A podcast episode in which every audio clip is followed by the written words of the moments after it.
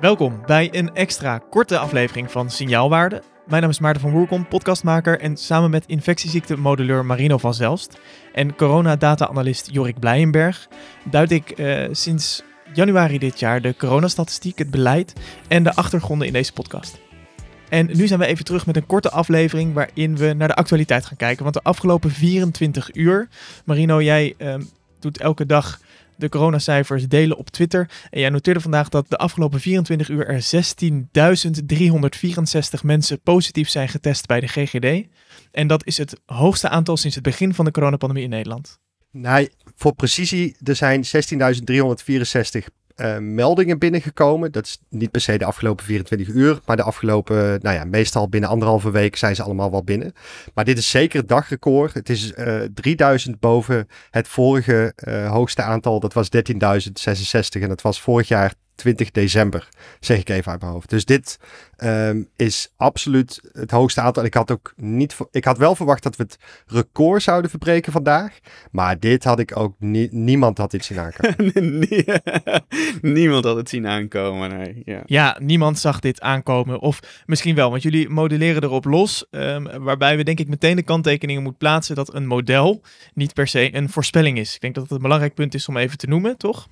Klopt inderdaad. Ja, wat we doen als, uh, als je een model maakt, je doet een aantal aannames en op basis daarvan uh, creëer een soort van uh, een, een overzicht van wat we ongeveer kunnen verwachten.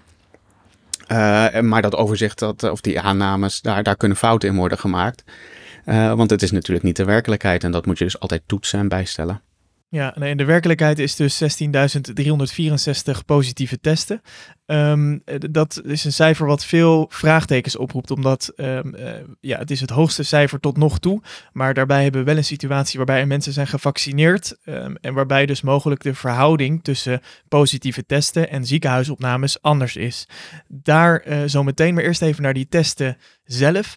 Is er ook meer getest? Hoe kan het zo zijn dat deze cijfers zo hoog zijn op dit moment?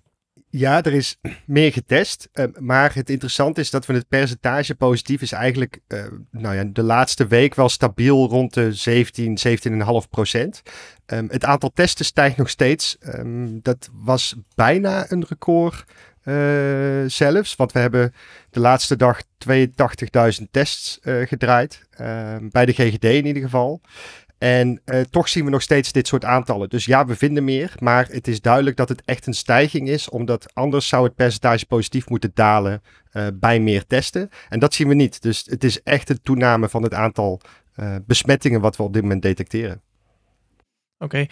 Jorik, als we dan kijken naar de uh, cijfers in het ziekenhuis. Uh, de demissionaire kabinet dat stuurt op ziekenhuisopnames, op ziekenhuiscapaciteit. Ja. Um, dus daar mm -hmm, moeten we de mhm. focus leggen. Uh, zeker omdat de situatie nu zo is dat mensen gevaccineerd zijn. Hoe zit het met de koppeling tussen positieve testen en ziekenhuisopnames? Ja, die koppeling is iets zwakker. dus dat is heel gunstig. Vandaar dat we ook aan het vaccineren zijn geslagen, waardoor het aantal ziekenhuisopnames wel wat achterblijft.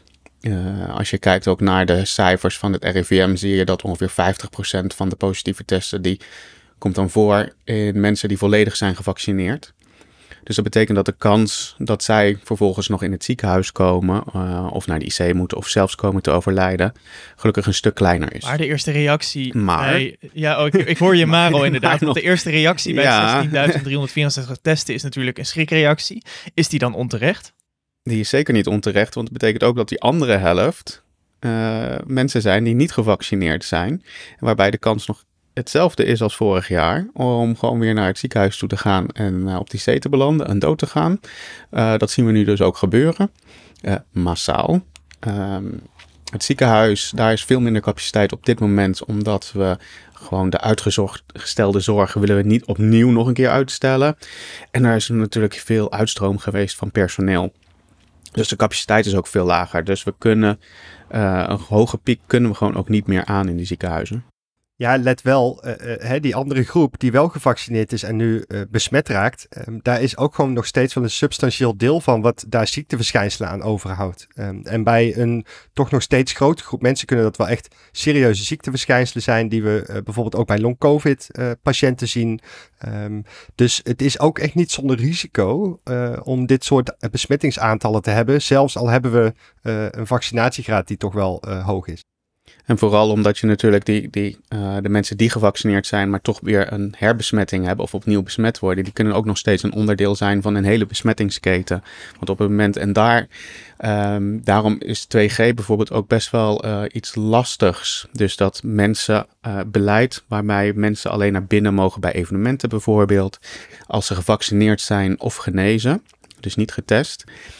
Uh, wat je ziet is dat mensen die volledig gevaccineerd zijn en wel het virus bij zich dragen en besmettelijk kunnen zijn, weinig klachten hebben. Of misschien zelfs geen klachten. En daardoor zijn ze ook ongemerkt, ook wel echt, kunnen ze weer een verspreider zijn van het virus naar de mensen die gevaccineerd zijn. Wat ook logisch is, want dan kan je dus een besmetting oplopen in het café. Daar merk je zelf niet zoveel van. Maar als je dan naar je kwetsbare uh, moeder toe gaat, of vader of bezoek, uh, dan, dan, kunnen die, ja, dan kunnen die daar echt nog wel uh, veel last van ondervinden. Uh, sterker nog, die kunnen er dood aan gaan. Ja, laten we het dan nog heel even over die overdracht hebben. Want in eerdere golven hebben we het telkens gehad over het R-getal en over exponentiële groei. Um, we zien nu ook weer een explosieve toename van de hoeveelheid positieve testen. Um, uh, zitten we nu ook weer in een situatie van exponentiële groei met een uh, ja, passende dreiging daarvoor voor het zorgstelsel? Marino? Ja, zeker. Um, we zitten nu eigenlijk al een paar weken op een R van 1.2 uh, te surfen. Uh, en dat is dus een verdubbeling van elke twee weken van het aantal nieuwe gevallen. Klopt. En um, he, we hebben het met Dansen met Jansen zagen we op een gegeven moment een R van 3. Maar dat was heel explosief. En nu zien we het eigenlijk gewoon, nou bijna anderhalve maand durf ik zo'n beetje te zeggen. Uh, gewoon ja, stabiel uh, uh, stijgen. Ehm, waarbij je dus die echt die verdubbelingen per twee weken hebt. Ja, en als je het al lang genoeg... En dat betekent dus dat als je in het begin duizend besmettingen hebt, dat dat twee weken later 2000 is, twee weken later 4000, et cetera. Ja, en nu zijn we dus op het moment dat je de 8000 nou ja, hebt je, je mag hem wel dus, echt letterlijk dus... doortrekken, want het was, was het inderdaad 2000, vervolgens 4, vervolgens 8 en nu zitten we op 16. Dus over twee weken, als je niks zou doen, zit je op 32.000 positieve testen. Zo simpel um, uh, is het. En ik wou nog even aanhaken op wat Jorik net zei um, ten aanzien van die overdracht. Ik had, nou ja, afgelopen weken probeer ik veel longartsen, internisten, infectiologen bijvoorbeeld te spreken over de mensen die opgenomen worden in het ziekenhuis. Um, en daar zie je gewoon nog steeds een grote groep ongevaccineerden natuurlijk. Um, en dan heb je eigenlijk nog twee andere groepen die wel gevaccineerd zijn. En één groep heeft, dat noemen we verstoorde afweer. Dus daar werkt het immuunsysteem gewoon niet goed. Dat zijn bijvoorbeeld mensen die een transplantatie ondergaan. En die slikken dan medicijnen om een immuunsysteem te onderdrukken. Ja, dat heeft ook invloed op de werking van het vaccin. Maar wat we de laatste drie twee, drie weken eigenlijk zien, is ook een toename van mensen die volledig gevaccineerd zijn met een uh, prima afweersysteem, maar die ook klinisch kwetsbaar zijn. Um, hè, dus dan heb je het bijvoorbeeld over mensen met COPD, uh, mensen met longembolie, die zijn dan volledig gevaccineerd. Dat is nog steeds verstandig voor die mensen, um, omdat ze zonder vaccin waarschijnlijk 10% kans hadden om in het ziekenhuis terecht te komen. Met een vaccin 90% werking nog maar 1%. Maar met dit soort besmettingsaantallen gaan dat soort mensen uiteindelijk toch gewoon in het ziekenhuis terechtkomen. Dus ook al heb je die hoge vaccinatiegraad met dit soort besmettingsaantallen, um, heb je het gewoon echt over de wet van de grote getallen. Um, en ja, komen ook volledig gevaccineerde mensen in het ziekenhuis terecht. Uh, ondanks dat het nog steeds echt slim is om te vaccineren, is het dus ook slim om die besmettingsgraad echt omlaag te krijgen. Ja, Jorik, want wat zegt dit over de effectiviteit van vaccins? Nou, vaccinaties werk, werken fantastisch. Ik denk dat uh, Aura Thieme, die zei dat uh, twee dagen geleden op, of, op Radio 1. Als we het onder dezelfde omstandigheden um, hadden geleefd, alleen dan zonder vaccinaties, dan was de uitkomst in de ziekenhuizen nu letterlijk rampzalig geweest. Ik denk dat dat belangrijk is. Dus dat, dat we uh, uh, in absolute aantallen zien we nu ongeveer 50-50 uh, van de opnames is gevaccineerd versus ongevaccineerd. Maar in relatieve aantallen, ten opzichte van hoe groot is de groep mensen die gevaccineerd is, is die factor nog steeds ongeveer negen keer hoger voor ongevaccineerden. Ehm, dus het vaccin werkt gewoon heel goed, maar niet 100%.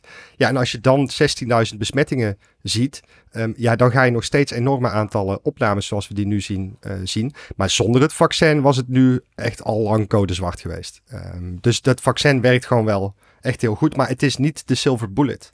Um, en dat zien we nu echt heel duidelijk. Hierbij komt uh, dus het mechanisme om de hoek kijken dat als je preventieve maatregelen succesvol inzet, je het effect er daarvan uh, vaak niet ziet. Klopt. Klopt. Um, en wat we nu ook zien is um, uh, dat eigenlijk lage viruscirculatie versterkt het vaccinatieeffect. Um, hè? Dus, dus uh, hoe minder virus en hoe hoger de vaccinatiegraad, ja, dan heb je dus echt geen enkel probleem. Um, maar wat we nu zien is dus wel een redelijk hoge vaccinatiegraad, maar hoge viruscirculatie. Ja, en dan loopt het nog steeds fout. Um, dus als ik het mag samenvatten, hebben we vandaag dus de hoogste hoeveelheid testen sinds het begin van de coronapandemie in Nederland.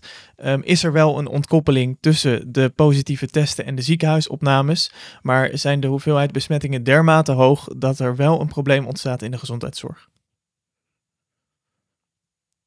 En uh, daarbij moeten we nog wat toevoegen dat vaccineren dus wel werkt. Want als uh, er niet gevaccineerd was, dan was er op een veel vroeger moment een veel rampzaliger scenario uh, tot uiting gekomen. Ja, eigenlijk het scenario wat je vorig jaar zag. Maar toen namen we dus, nou ja, iets eerder meer maatregelen. maatregelen. ja, dan heb je meer maatregelen nodig om te drukken. De eerste gedeeltelijke ja. lockdown was onvoldoende, de verzwaring was onvoldoende. En toen gingen we in echt de lockdown.